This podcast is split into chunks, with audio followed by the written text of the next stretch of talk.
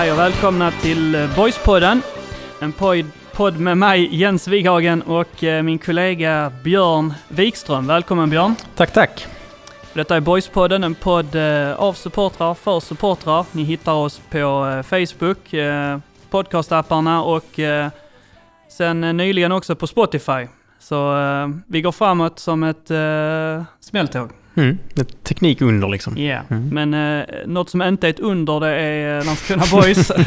jo, de är under nu för att eh, nu är det klart att det blir eh, division 1 eh, Ja. södra återigen. Kanske lika bra att bara dra ett streck över den här säsongen Björn. Ja, så är det ju. Vi har ju liksom, eh, den här sagan har vi, har vi kört ett par gånger nu under hösten under vår korta poddkarriär. Så att, eh, det är väl inte mycket lönt att gå in på den. Säsongen blev som den blev. Är synd att det slutar så här, för det fanns ju andra förutsättningar tidigt i våras. Liksom. Men, eh, men nu, nu blev det så. här. Eh, Det blev till slut för svårt att, att ändra den här negativa spiralen som man hamnade i. Så är det. Eh, en eh, Boys-legendar tackade också för sig. Rolle Rundqvist eh, efter drygt 20 år, lite, lite mer. Kanske till och med 30. Ja, är? Jag är dock osäker, men det är i alla fall jävligt länge. Ja, eh, Boys legendariska materialare Mm. Får man väl säga. Lagledare. Lagledarmaterialare. Allt kanske. Ja. Eh, tackade för sig. Mm. Många historier där som eh, ligger och gror kan vi Mm. väl eh, hoppas. Mm. Jag hoppas att man kanske får ta tillfälle och liksom lyssna på dem någon gång. Vi hade ju i Boyshjälpen ett par intressanta historier från andra klubblegendarer och även eh, Roland har nog en hel del att bjuda på. Så är det. Men eh, det blåser också lite positiva vindar i klubben och eh, en av de vindarna står här i studion med oss. Tobias, eh, ny akademichef i Landskrona Boys. Välkommen! Tack så mycket. Du är nere på, du börjar jobbet officiellt nästa år, eller hur är det? Första första. Första första Men och du... det är väl, nu- kan det vara tredje eller fjärde vända jag är nere nu. Eh, är nere minst en vecka. Eh, och försöker få lite ordning. Det vore dumt att vänta till första januari med att försöka få ordning på, på verksamheten. Och hur ser eh, denna, vad, vad har du hittat på hittills denna veckan och vad, vad står på agendan då? Städa. som, som allting annat i föreningen så har det varit väldigt mycket städa undan och bilda sig en uppfattning kring vart står vi just nu. Skapa kontakter med, med spelare på våra äldre lag. Skapa kontakter med våra alliansföreningar i, i stan som bedriver ungdomsverksamhet. Eh, och någonstans jobba med tränarrekrytering inför kommande säsong. Det är väl det som står på agendan just nu i alla fall. Vi kommer eh, alldeles garanterat komma in på det, men om vi eh, backar bandet, eh, din dialekt undgår ingen. 08 som vi berättar lite om hur, var du är ifrån och vad din bakgrund är. 30 år gammal, uppvuxen i, Stockholm, norra förorterna, längst ut på blåa linjen. Man brukar prata om Koppargården. Jag tycker Koppargården är ett ganska intressant område. Det finns gräs där. Där jag är uppvuxen i, i Tensta så var det mest asfalt och betong. Mm. Eh, så jag tycker att Koppargården och Silvergården har lite oförtjänt ryk, dåligt rykte jämfört med liksom, områden jag är uppvuxen i. Mm. Har startat min spelarkarriär eh, som fem år i, i Djurgården. Ute i, de hade kvarterslag ute, ute i förorterna för, för 20 år sedan, mer 25 år sedan. Eh, spelade där fram tills eh, dags för juniorallsvenskan, fick inte vara kvar då, föll för katten. Efter det gick jag över till Vasalund, var där som eh, spelade två säsonger, skadade foten. Hade nog inte spelat i norrettan, kanske stod på bänken någon match. Eh, hade nog kanske snarare spelat division 2 eller division 3 som fotbollsspelare. Men i samma veva där så började jag intressera mig för, för tränaryrket och, och tränarbiten. Och eh, var någon säsong i Djurgården men sen under 14, eh, 12 år blir det i, i Vasalund. Först som instruktör i fyra säsonger, sen som heltidsanställd som ungdomsansvarig och akademichef för att sen gå tillbaka till näringslivet och eh, samtidigt träna Vasalunds U21 och U19 eh, på kvällstid. Eh, även jobbat på Stockholms fotbollsförbund som eh, distriktsförbundskapten, eh, kursinstruktör på Stockholms fotbollsförbund, konsultat en hel del eh, småföreningar på, på ideell basis där att hjälpa dem med organisationsfrågor. Eh, så det är väl det jag har gjort sista, sista åren eh, liksom i liksom min fotbollsgärning. Och nu Landskrona Boys, så vilket ska bli sjukt kul. Mm. Om vi fastnar på det spåret, vad, hur, hur hände? Vad, vad hände? Hur gick det här till? Hur hamnade du i Landskrona Boys? Någonstans har jag varit i näringslivet sista, sista två, två och ett halvt åren och känner att jag vill tillbaka till fotbollen. Det är kul att, liksom, att jobba, men jag vill jobba helt med fotboll igen. Och före diskussioner ganska med ett par, på ett par vänner eh, under ganska lång tid. Fan, hit, hitta en, en, en klubb där vi liksom kan bygga organisation igen. Mm. Eh, och en av de vännerna tipsade mig om, om den annonsen som låg ute sen, i, tidigt i somras. Och på den vägen var det egentligen. Processen gick ganska snabbt. Eh, jag och Max eh, Lundmark hade en telefonintervju, åkte ner, träffade Max och, och eh, Jonas från styrelsen. Och sen var processen, det gick snabbt, det gick på fyra veckor. Mm. Och, och nu står vi här idag. Och ska försöka få ordning på den här skutan också. Mm. Vi gjorde en liknande resa med Vasalund tidigare när de åkte i Superettan 2009. Jag klev in 2011. Så jag vet vilket jobb som väntas och jag, jag brinner för utmaningen. Men det finns en helt annan kultur i Landskrona än kanske finns i Vasalund eller andra klubbar. Och det är det som lockar. Om man eh, går tillbaka till då mötet med Max och Boys så att säga. Mm. Vad, vad var det du sa då som fick Boys att eh, vilja satsa på dig som eh, akademichef då? Vad var din sales pitch? Ni vet inte vad ni gör. Det var, det var väl lite det det handlade om. Jag, jag fick ett, ett underlag som förberedde här och insåg att det, det behövs så mycket mer än bara en akademichef. Det, det är en fin titel. Jag ser mig snarare som en ungdomsansvarig eller sportchef för ungdom. En akademichef. Vi måste ha ett helhetsgrepp kring hela föreningen. Från, från knatteskolan till, till U19-allsvenskan. Och eventuellt u om vi ska med det också. Men hur slussar vi upp unga spelare? Att det fanns en tydlig plan och jag tror att mitt track record var väl det som egentligen sålde in ganska tydligt. Jag var ganska tydlig med att det här har vi gjort i Vasalund. En liknande situation. Vi kan göra det i Boys också. Vi har bättre resurser här. Det var väl egentligen det som, som jag tror de föll på. Om vi, eh, om man pratar om Vasalund då, det är kanske ingen av oss som har koll på hur Vasalunds situation var för 6-7 år sedan. Vad, vad gjorde du där då? Vad var det som eh, till slut gav framgång? Och som du kanske kan ta med dig här nu då framförallt? Vasalund är ju precis som Landskrona, eller precis som Landskrona, men det var en division 1-förening då. Hade åkt ur Superettan, spelade i Norrettan. Eh, också som Landskrona, väldigt stark invandrarprägel på sina spelare. Väldigt mycket från, från Rinkeby, Tensta. Eh, där det mest är nog krigsrubriker folk känner igen från, från media, i alla fall i Skåne kan jag tänka mig. Men det finns ett extremt fotbollsintresse. Och precis som Vasalund så, eller precis som Landskrona fick Vasalund fram väldigt mycket duktiga spelare. Alex, eh, Alexander Milosevic, Henrik Goitom, Kevin Cabran. Eh, Sådana spelare som gått igenom, inom verksamheten. Eh, Axel Björnström i Sirius nu är väl den färskaste. Och det vi gjorde var egentligen så att, vad gör vi bra? Varför får vi fram spelare? Och någonstans pinpointa det och sa så att vi måste göra det oftare. Vi måste strukturera upp, vi måste få en tydlig kravbild kring, kring verksamheten. Och det är väl det jag förväntar mig att, att göra här också. Att föräldrar som kommer till Landskrona Boys Akademi ska veta att det här är vad vi förväntar oss av er som familj. Du som spelare, där förväntar vi oss av, av dig också. Kring förhållningssätt, att komma i tid. Att, att liksom vara förberedd. Det är ganska tufft för en 13-åring men det är det vi kommer göra. Och på samma sätt så kan föräldrarna veta också att när vi börjar här så kan vi förvänta oss det här av Landskrona Boys. Det är så väldigt tydligt och liksom kommunikationen, att kommunikationen är det som, som driver alltihopa. Men det är absolut viktigast att hitta duktiga tränare. Duktiga tränare lockar bra spelare för de vill ha bästa utbildningen.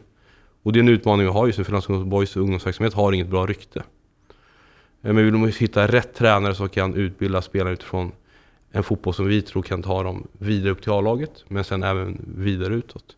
Jag sitter ju med en hel del unga spelare just nu och säger att Landskrona Boys ska ju inte vara ändhållplatsen.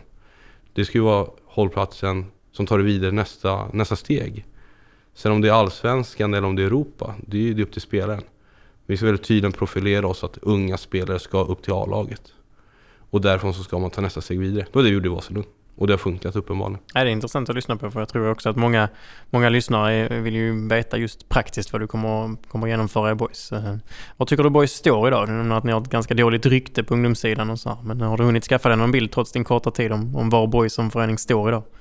Organisationsmässigt så ligger man ju ganska långt efter. Mm. Kring, just för att det varit för mycket personalomsättning. Det är inte fått sån tydlighet i, i vad man gör. Man har bytt akademichef. Jag, jag är väl den sjätte tror jag på, på två år. Eh, Issa som var innan mig har ju, har ju liksom påbörjat sitt arbete. Men det måste ju någon som slutför också. Mm. Jag tycker det, Issa var väldigt tydlig med att här har vi våra svagheter och, och tog in den hjälpen. Men han jobbade ju ideellt. Han fanns inte på plats. Och, och det gör ju liksom svårt att liksom hands-on faktiskt driva igenom saker som jag hoppas kunna göra nu. Eh, men det största problemet har liksom den personalomsättningen. Det, liksom, det, har aldrig, det har aldrig fått liksom sätta sig, de projekt man har startat. Man, man har identifierat problemen men hur tar vi oss vidare därifrån? Mm. Där har vi inte riktigt kommit i hamn än. Men vad är nästa steg då så att säga om, eh, om ett steg är att eh, förtydliga vad som gäller för spelare, för tränare, för eh, föräldrar. vad är nästa steg då för att så att säga höja kvaliteten eh, rent, eh, rent fotbollsmässigt? Bara duktiga tränare, det finns ingenting annat. Det, det, det är bara det det handlar om och att spelare förstår också att jag måste göra jobbet. Men utan bra instruktörer så, så kommer vi få harva. Och, och liksom jag förstår också att, att 2019 kommer inte bli liksom att det blir något halleluja moment att fan nu händer grejer.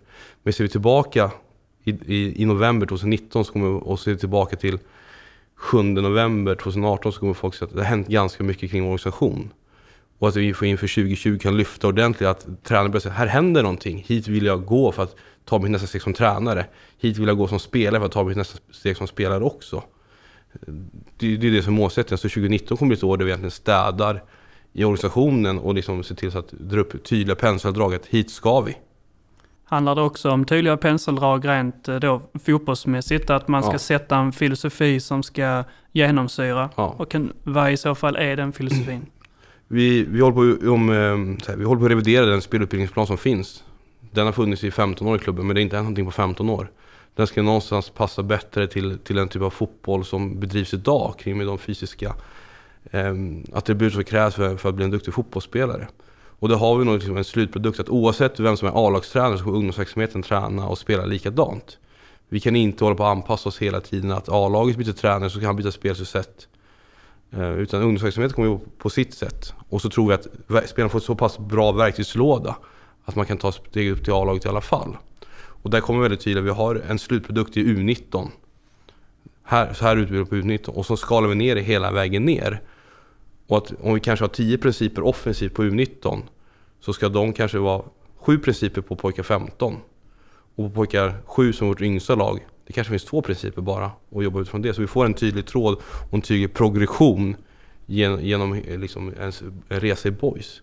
Sen ska vi vara väldigt tydliga med att vi kommer inte ha någon ak- akademiverksamhet under 13 år. Jag tror inte det är, liksom, det är förenligt liksom med den forskning som finns. Jag tror inte att det är förenligt heller med hur RF ser på barn och ungdomsidrott. Eh, och, där ska jag tydliga, där vill vi växa på bredden på, på upp till 12 år. För att sen kunna ha en akademi och elitförberedande verksamhet från 13 år upp till 19. När du säger växa på bredden då, är det att eh, själva ungdomsföreningen ska bli eh, så att säga större och ta upp mera spelare? Är det ett problem som du har identifierat att Mm. det är för få spelare? Var, hur, hur ser du på, pratade om alliansklubbarna tidigare, hur, hur, hur ser du på dem i förhållande till, eh, till Landskrona Boys? Hur, eh, hur fungerar ett sånt samarbete när man har en elitklubb? Du Mm. måste varit med om liknande situationer i Stockholmsfotbollen ju. Stockholmsfotbollen har 7-8 elitföreningar som är CEF-certifierade så det är en helt annan situation där. Men däremot så tycker jag att Landskrona Boys måste bli självförsörjande på ungdomsverksamheten. Och med det menar jag att vi ska ha en tydlig knatteverksamhet från sex års ålder där vi kan ta in fler barn. Samtidigt måste vi- måste vi också kunna bibehålla kvaliteten genom att engagera fler föräldrar också, att de ställer upp där. Vi kan inte ha externa tränare som vi arvoderar på pojkar 6 eller på pojkar 7. Vi kan ha en uppstartsfas, absolut. Men vi kan inte ha arvoderade tränare på pojkar 8. Det är inte ekonomiskt hållbart. Och man måste förstå också att vi måste bidra till så hur, hur liksom föreningslivet i Sverige är uppbyggt så krävs ideella krafter. Sen går vi går in på elitförberedande verksamhet på akademin, där kan vi arvodera tränare, absolut. Men där får vi, vi var krasst sagt att Landskrona Boys kanske har bäst varumärke rent såhär, dra in sponsorintäkter men det finns ju fler föreningar som är större än oss i antal barn. Vil, vilket är ganska skevt i min värld. Utifrån hur, hur starkt varumärke Boys egentligen har. Och varför tror du att det är så? Svårt för dig att säga Ja, man, man, man har misskött det under så pass lång tid. Man, har- man, har inte, man har misskött sina kontakter med alliansklubbarna. Man har misskött sitt, sitt varumärke. Man, har- man har inte haft en tydlig styrning vad man vill göra. Jag hörde om skräckexempel där man ville lägga ner all ungdomsverksamhet för att vid 13 år plocka in liksom guldkorn från kransklubbarna. Vi har inga 07 på grund av det projektet. Vi har inget, vi har inget pojkar 12 nästa år. Eh, Vi har inte haft något U17. Det, det, det, det, är liksom, det är katastrof i min värld. Att vi, att vi har hål i, i verksamheten med så pass stor, så här, den storklubb som Boys egentligen är. Tränarfrågan i tidiga åldrar. Hur... Eh, ett problem är väl att man, det är svårt att hitta kontinuitet Mm. eh, i unga åldrar eftersom det oftast är anhöriga som tränar. Mm. Hur, hur ser du på att boys ska, hur ska man bedriva den verksamheten? Säg tränare upp till eh, pojkar 12. Är det anhöriga som till exempel Ja. då ska träna? Kan Vormo hur- göra, kan Vormo göra det, varför kan inte vi göra det? Kan Borsthusen göra det, varför kan inte vi göra det? hur håller man en röd tråd i, i ett sånt eh, scenario då som, som Då- då- akademichef? Det måste vara mycket Ja. där som... Eh, Ja, men det handlar också om att liksom, grunden sätts ju där någonstans, eh, liksom hur utbildningen ska ske. Men där får ju vi ett ansvar för föreningen att hitta någon typ av samordnande roll på någon som är erfaren ledare, som, som, som vi vet är, är, är bra på att utbilda i de åldrarna och gå in och stöttar. Vi har redan ett sådant samarbete med Skåneboll där vi har en, en instruktör som är ute och stöttar där men det blir för mycket hands-on på den vanliga verksamheten. Istället för att vi ska ha en stöttning till de föräldratränare som finns. Eh, och det är så vi tittar på att hitta en sån typ av, av ledare som kan driva en, en samordnande roll på, på säg 7 till 12 år. Eh, och, det, och det tror jag är det som är nyckeln för det blir någonstans min förlängda arm på den verksamheten och stöttar dem så vi har en bra verksamhet där. Och samtidigt ska vi förstå också att de som vill träna mer ska kunna få den, den chansen också. Eh, och vi måste hitta en lösning för dem också. Och i, i den fasen kunna bjuda in kransklubbarna och alliansklubbarna att era spelare som vill träna mer än två gånger i veckan är välkomna att träna med boys, rent förutsättningslöst. Du nämnde tidigare om de här då, kransklubbarna eller alliansklubbarna. Alltså övriga klubbar i stan helt enkelt. Eh, hur ska man förbättra samarbetet med dem som du är inne på?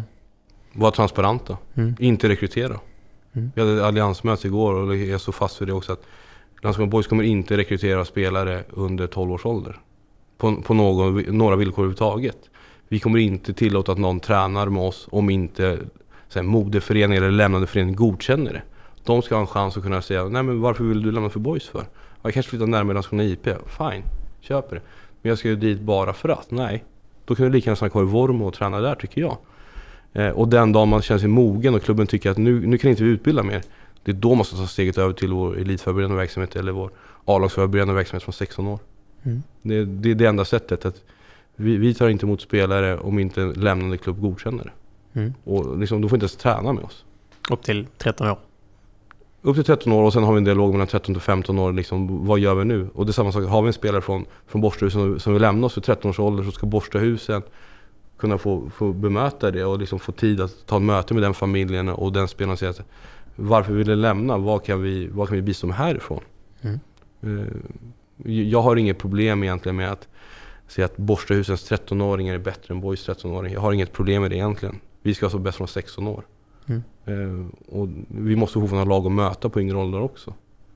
Så liksom, och i slutändan mår, mår våra kransklubbar och landsklubbar bra så kommer Landskrona få bollen må bra och då kommer Boys A-lagsverksamhet må bra i slutändan. Ja, det, det är jag ju helt inne på. Att det, är- det är en, eh, tillhörighet hela stan liksom. Att eh, det går liksom inte att driva en klubb utan alla klubbar har ju, hör ju någonstans till samma fotboll. Mm. Så att, eh, där tror jag du är helt rätt på det. Att man måste hitta en, en väg tillsammans alla klubbar liksom. Samarbete däremellan. Mm. Jag tänkte lite på den här eh, granskningen som var om ungdomsfotboll. Det var i Stockholm, Noah Bachmers i Sportexpressen som pratade om att man barn tidigt födda, tidigt eh, utvecklade är eh, överpro- överrepresenterade i till exempel ungdomslandslag. Eh, och mynnar ut i någon form av tanke att eh, fysiskt eh, duktiga ungdomar får mera fördelar i, eh, i ungdomsfotbollen runt om i Sverige. Vad, vad är dina tankar om det utifrån ditt perspektiv som akademichef? Och hur undviker man att hamna i den fällan att man spelar de stora killarna så att säga? Någonstans så måste vi ha skickliga instruktörer, jag är tillbaka på det, skickliga instruktörer som är duktiga på att identifiera egenskaper. Alltså är det en egenskap som gör att du, att du blir en, en, en fotbollsspelare på hög nivå? Eller är det en egenskap som är fysisk som gör att du, att du vinner fördelar här och nu? Eh, det är svårt att hitta de instruktörerna. Eh, samtidigt handlar det någonstans också om att jag som akademichef får ett ansvar att se, när vi ser åldersstrukturer, har vi bara spelat första kvartalet så måste vi se över, då, då har vi varit väldigt dåliga i vår selektering som kommer att ske någon gång. Vad, vad gör vi där och då? Men det, det, det liksom den granskning som finns i Sportexpressen, det är inga nyheter för oss som har jobbat med fotboll i tio år. Vi vet att det ser ut så. Svenska fotbollsförbundet vet att det ser ut så på landslagen. Eh, men, men det handlar om att, att se över liksom, hur ser åldersstrukturerna ut. Kan det också ha att göra lite med det här eh, vi pratar om att ha en röd tråd, någon sorts filosofi där man, eh, där man fångar upp alla spelarna, där man inte fokuserar kanske heller på att man är det mest väga, vägvinnande laget i kanske 13-14 års ålder och att man då inte fokuserar på att spela de, eh, de stora spelarna och kanske spela den typen av fotboll. Ligger det där någonting också? Är det, är det det man eftersträvar när man vill ha den här röda tråden? Det är, det är ganska lätt att vinna ungdoms, ungdomsmatcher egentligen. Alla vi som har jobbat med fotboll ett tag vet att tar jag min största spelare som back, min näst största som mittfältare och min tredje största som forward så, så kommer jag vinna ganska mycket matcher. Eh, så det handlar ju någonstans om okay, vilken utbildning har vi och även ha, förmedla till föräldrarna, ni måste ha tålamod. Vad är viktigast? Att vi får fram duktiga fotbollsspelare eller att vi vinner mycket plastpokaler? Det är nog absolut viktigast att, alltså att, att föräldrarna förstår att det inte är viktigt att vara bäst när man är 14. Det ger inte så mycket i slutändan utan vi ska ha spelare som orkar träna, som orkar spela fotboll länge. Och då tror jag liksom att de vill spela fotboll i slutändan. Det är klart att vi ska gå in för varje match för att vinna, men hur vinner vi matcherna?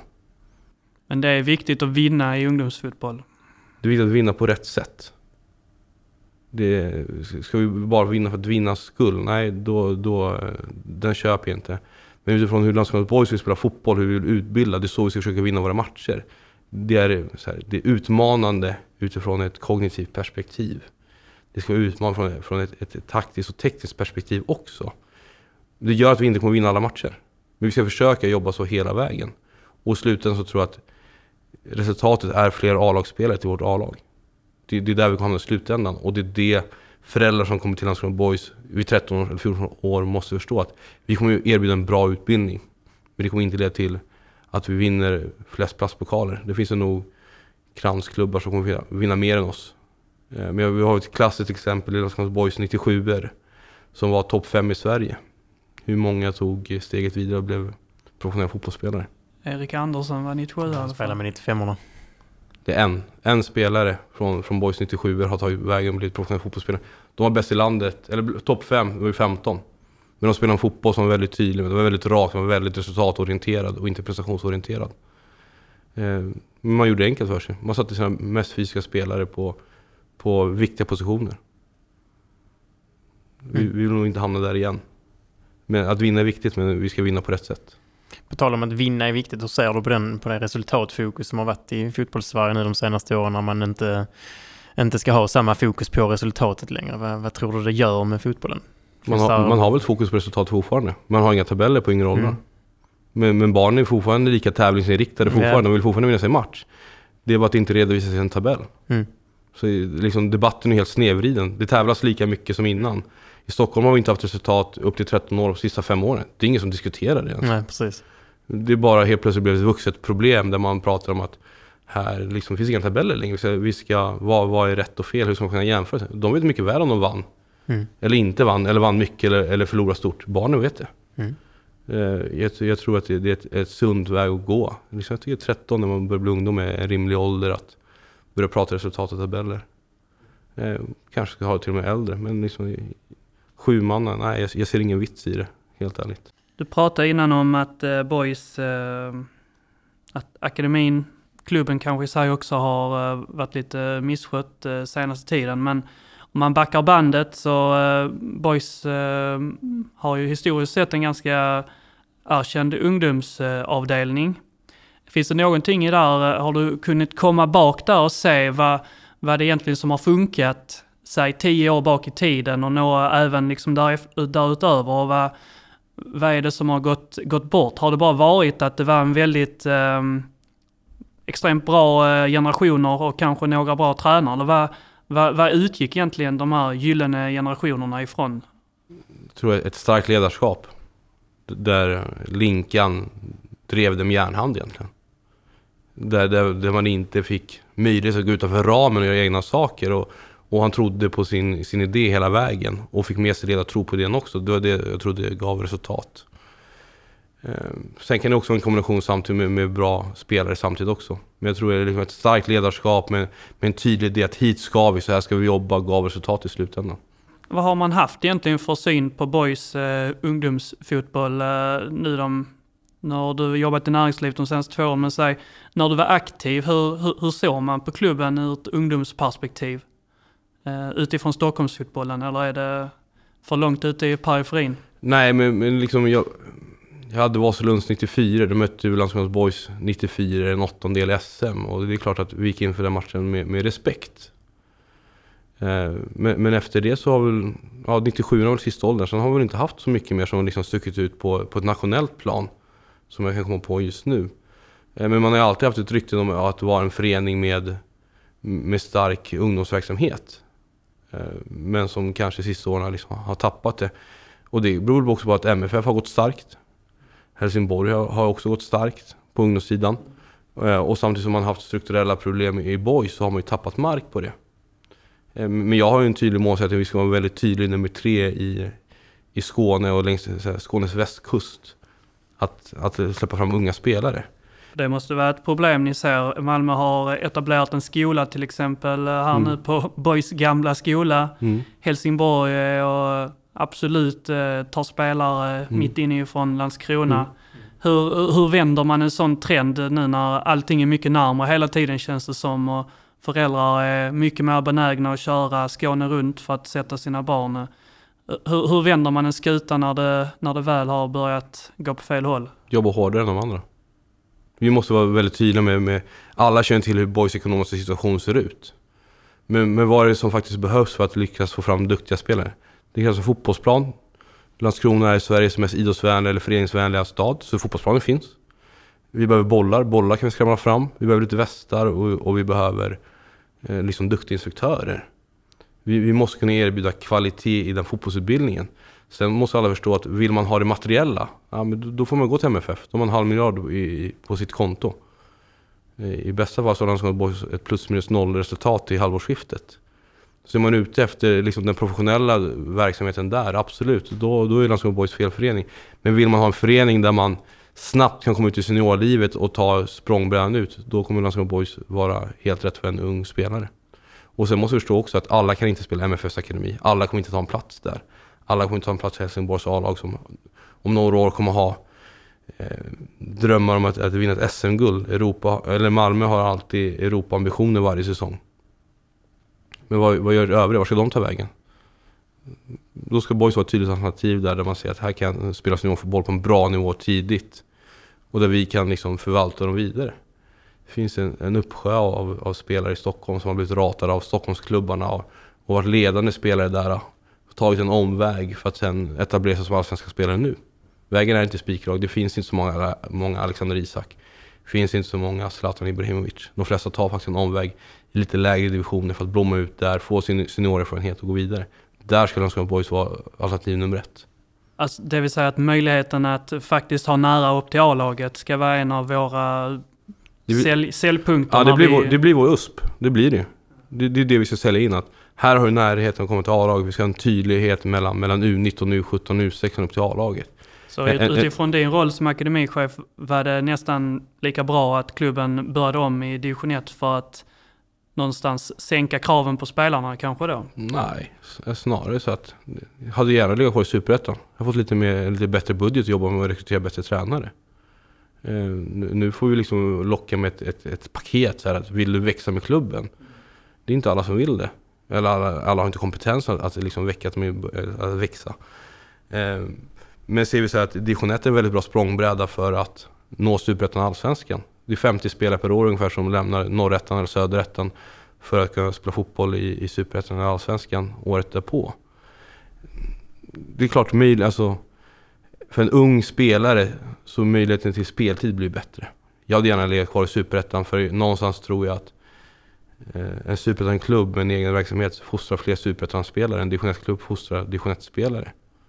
Eh, man, man tvingas in i en annan kravbild ju högre upp i seriesystemet är. Eh, och jag tror också att kan vi släppa fram en 17-åring i en superettan-miljö eller en allsvensk miljö gör ju någonstans också att vi, vi får ett helt annat intresse på den spelaren.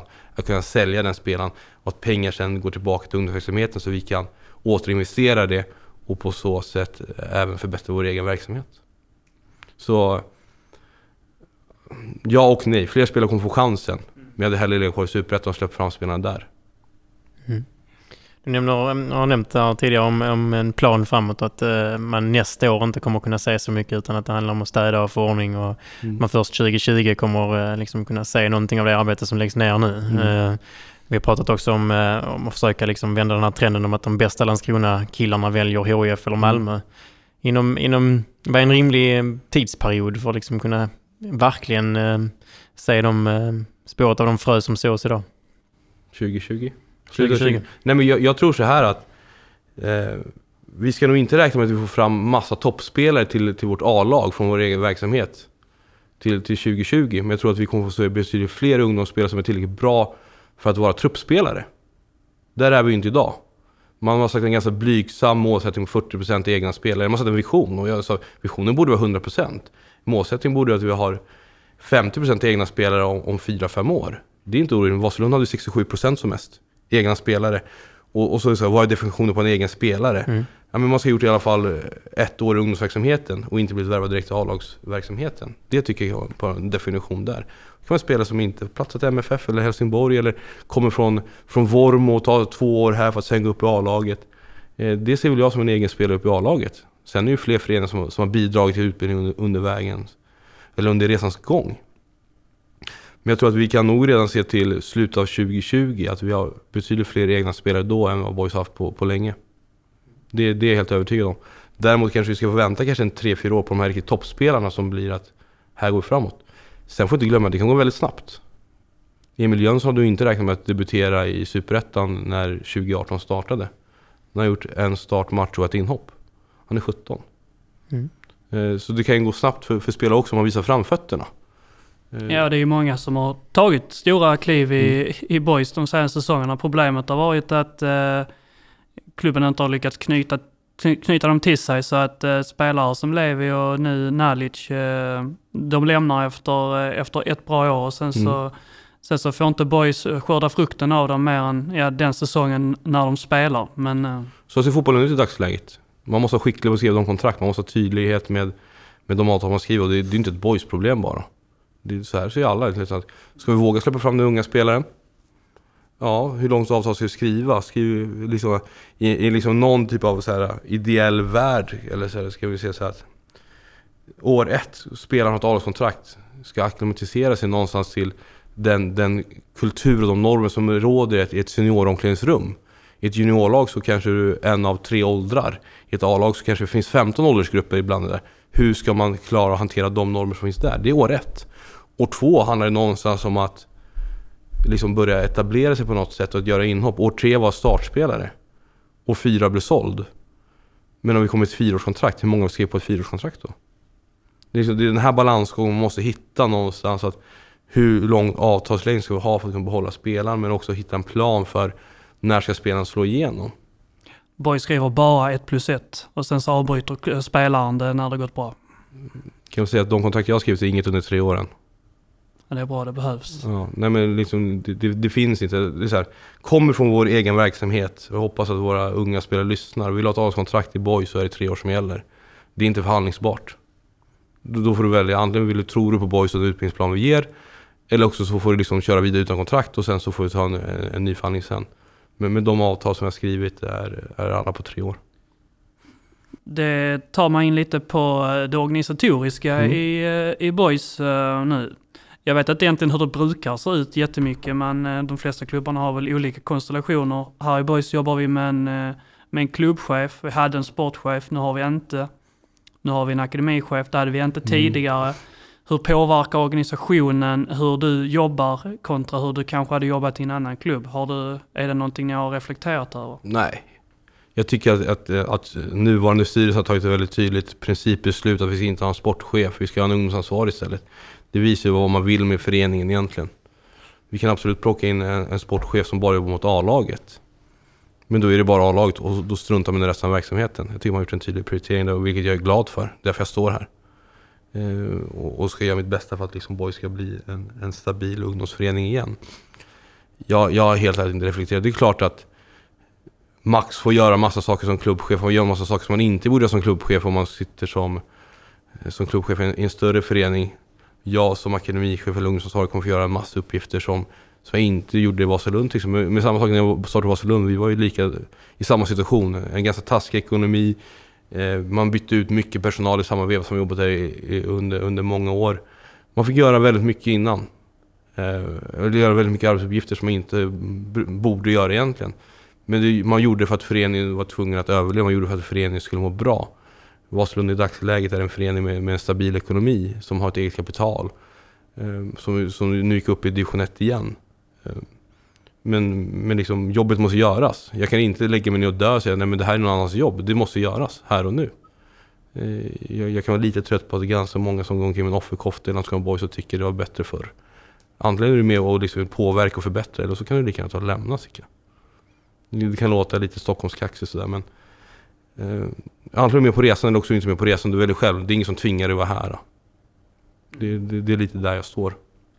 Och kommer du få in, kommer du få med fler pass nu på, på resan? Du pratar om att det viktigaste är att hitta instruktörerna, hitta mm. tränarna. Detta måste vara ett helt nytt, uh, ny terräng för dig. Tidigare har du kanske kunnat jobba med, med folk du känner till, du vet vad de kan, du vet att de har samma värdegrund som dig. Mm. Hur, uh, det måste ändå vara en svår rekryteringsprocess och en annorlunda. Det är min absolut största utmaning. Jag har ingen kontaktnät i Skåne. Jag får vrida på varenda sten och, och liksom leta varenda grotta som jag hittar här för att, för att ha de kontakter. Jag har ju lite kontakter och de har hjälpt mig ganska mycket. Eh, men samtidigt också känner man inte dem så, så blir det, det blir lite chansningar ibland också. Och, och därför är det väldigt tydligt, vi skriver inga längre avtal med, med tränare som vi inte är säkra på. Eh, vi är väldigt tydliga med att, liksom att 2019 är ett, liksom ett, ett år för dig som ny instruktör och så, att komma in och visa att jag vill vara med på resan. Jag vill jobba utifrån den utbildningsplan vi, vi tar fram. Vi vill dela den värdegrund som finns. Kan vi göra det, då är vi absolut villiga att skriva längre avtal. Men det, det, är, en, det är en jättestor utmaning att, att hitta instruktörer eh, när mitt kontaktnät inte är här. Då. Så är det. Det, det, det, är en, det är en process jag jobbar med i princip varje dag. Och vad, vad är det viktiga i, i instruktörerna? Så att säga, vilken filosofi, vilket tänk är det som ska genomsyra Landskrona Boys och vad är det du har med dig utifrån ditt?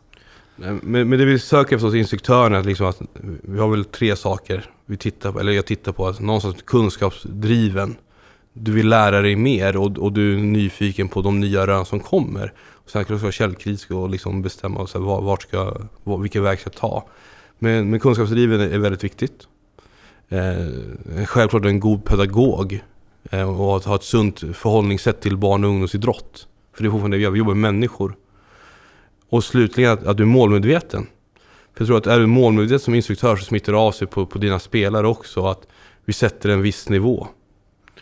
Ehm, ser vi rent fotbollsmässigt så vill vi hitta tillbaka någonstans till, till den fotboll som boys var, var, var kända för, för eh, en 15 år sedan. En teknisk och offensiv fotboll. Där vi spelar fotboll efter marken. Samtidigt får vi inte glömma att någonstans ska vi utbilda dem taktiskt också. Eh, och vi måste kunna vara flexibla i, i vårt taktiska spel för att kunna vinna matcher. Men det gäller kanske mest från, från 16, 17 och 19. Ser du dig själv som en, eh, du har varit tränare mycket, så är du, är du färdig med tränarbiten och så är det det organisatoriska som är, är i dig nu? Just nu är det organisatoriska. Det är liksom de år jag hade i näringslivet som gjorde att liksom, fan, det här kan vi implementera i föreningslivet också. Det, är inte, det är inte så att vi måste investera massa pengar för att de här organisationsfrågorna ska fungera. Att, att vi blir professionella. Ett föreningsliv är väldigt många gånger bara så här, men så här har vi alltid gjort. Istället för att liksom vara kritiska och ifrågasätta, vad, vad gör vi nu? Hur tar vi det vidare? Eh, jag, jag, brukar säga så att ett föreningsuppdrag är inget förvaltningsuppdrag, det är ett utvecklingsuppdrag. Eh, en förening som slutar utvecklas, en förening som slutar vara självkritisk, kommer självdö till slut. Och, och, det är väl det jag tycker är jävligt kul just nu. Sen tycker jag det är kul att, att vara på plan också. Det blir nog första gången på, på tio år, förhoppningsvis, att jag inte har ett lag nästa år. Jag vill försöka undvika att stå på plan nästa år eh, bundet till ett lag. För det, för det kommer sinka vår process till att göra Landskrona BoIS ungdomsverksamhet starka igen. Um, och därför prioriterar jag att hitta duktiga instruktörer överallt. Um, så, så, det är väl där, där fokus kommer, kommer ligga. Men jag kommer nog ta lite pass under året. Jag tror det är viktigt att lära känna spelarna och spelarna lära känna mig. Och jag tror det bästa sättet att göra det är, är inte kring föreläsning utan det är att vara ute på plan, hands-on och, och coacha och instruera och dra och slita lite grann. Ehm, allt från, från 13 till, till 19 år. Ehm, och även vara med och, och träffa de yngre lagen också. Så där kommer jag nog få min, min träning i dos i alla fall hoppas jag.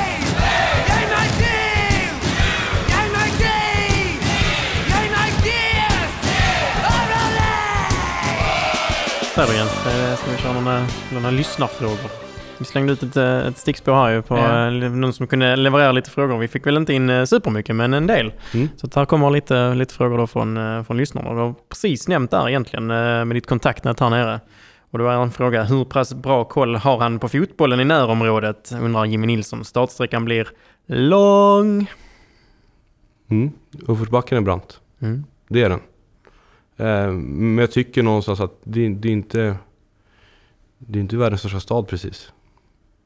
Eh, det bor väl fler invånare i min hemkommun i Stockholm än vi bor i Landskrona, i Landskrona stad.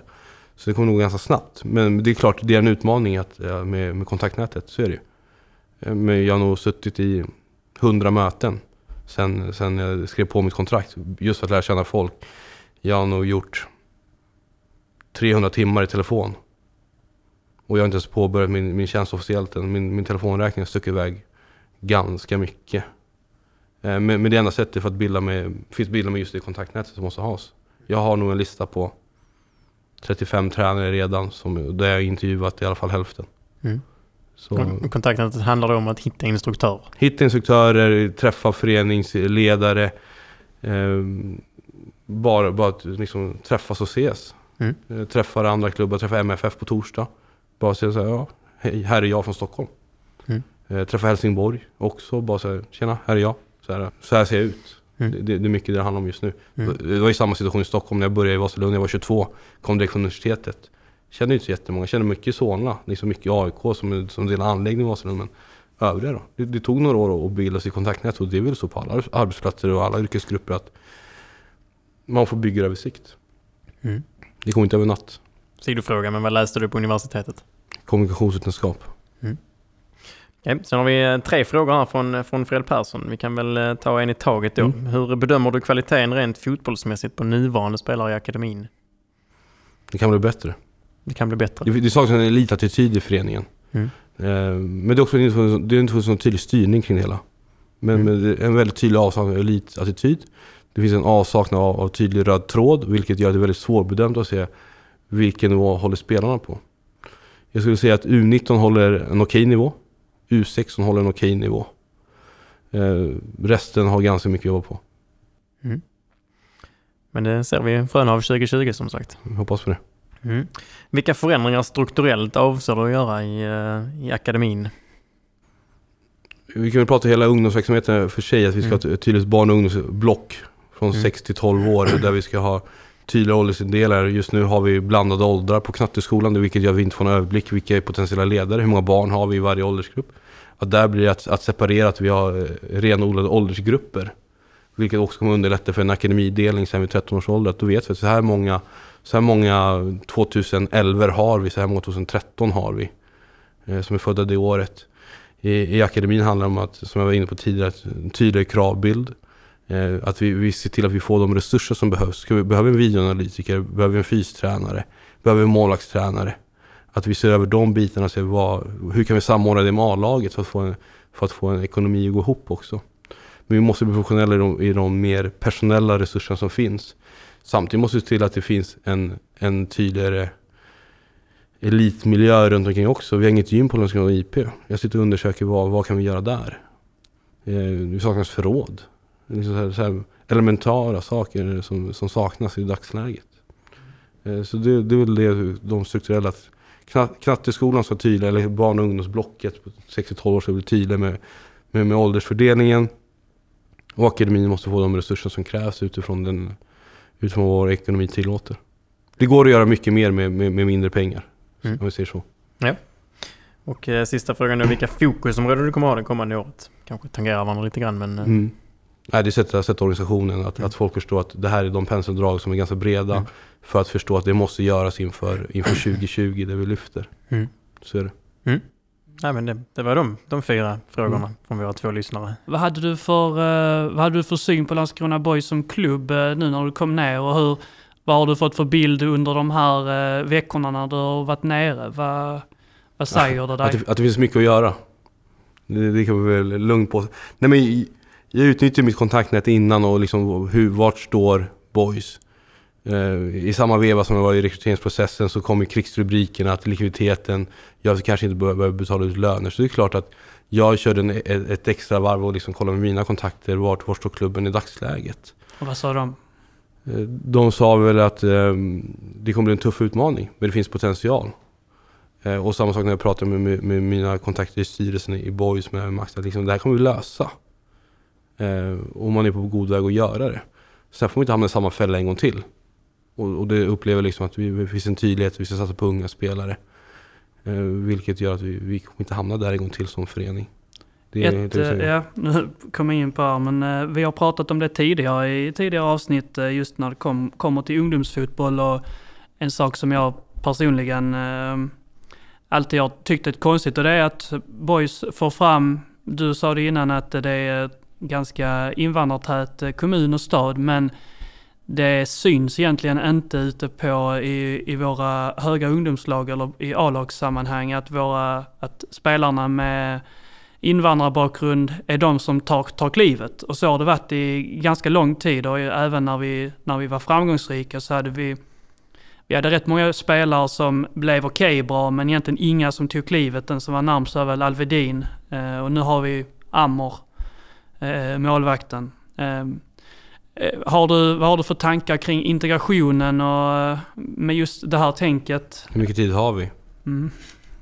Vi har mycket, kör. Nej men, men, men liksom det, det, det, handlar om, det är inte bara ett Landskrona Boys problem. Det är ett Nej. strukturellt problem i, i hela samhället också. Att hur, varför ska man behöva jobba mycket hårdare som, som, som Men just Vasalund och AIK är väl kända helt enkelt för att man har lyckats hitta en uh, välkommande struktur för där man får vara sig själv inom kanske ramarna av ja, men, var, ja, men Vasalund var väl ett, liksom ett, ett omvänt problem istället. Vi, vi hade inga med så här, svensk ättad bakgrund egentligen. Så liksom, vi, vi hade inga Kalles Kaviar i U19 där. Det var väldigt få. Så det, det var väldigt... väldigt det och finns då, var det då mer. ett problem att ni, alltså, ni behövde ha in det då? För Nej, att, vi ser väl inte ett problem. Jag ser alla som svenskar. Ja. I, I slutändan. Men jag vet att det finns väldigt många som vill placera invandrarungdomar och, och liksom, liksom blonda lintottar i olika fack. För mig är alla mm. svenskar. Oavsett, du har ett svenskt pass. Du är född i Sverige. Sen har du olika kulturella bakgrunder och, och då handlar vi som, som förening väldigt tydliga med Vasalund att, så att kan du förhålla dig till de normer som finns? Kan du förhålla dig till de förhållningssätt som finns? Men, men det var ju väldigt mycket liksom så att det var, det var högt i tak mm. i, i Vasalund. Och det måste vi nog ha här också. Att förstå att vi, vi tappar väldigt mycket kunskap om vi ska börja exkludera olika typer av, av människor. Eh, istället för att försöka förstå dem. Och där tror jag nog att Boys har haft ett problem. Att man, man, man har haft den gamla skolan i sitt ledar, ledarstrukturer och, och ledarskap. Att rätta det utifrån svenska modellen. Men då får vi inte glömma bort att vi tar ett, ett fiktivt exempel i Mohammed från Koppargården. Han har, han har sju syskon. Vilket gör att han måste ha väldigt stort ansvar. Och så jämför det med Johan som är från Klumslöv och, och bor i villa och har två stycken och där föräldrarna alltid stöttar. Vi måste förstå att alla har, kommer från olika bakgrunder. Eh, och hur ska vi hantera dem på, på bästa möjliga sätt?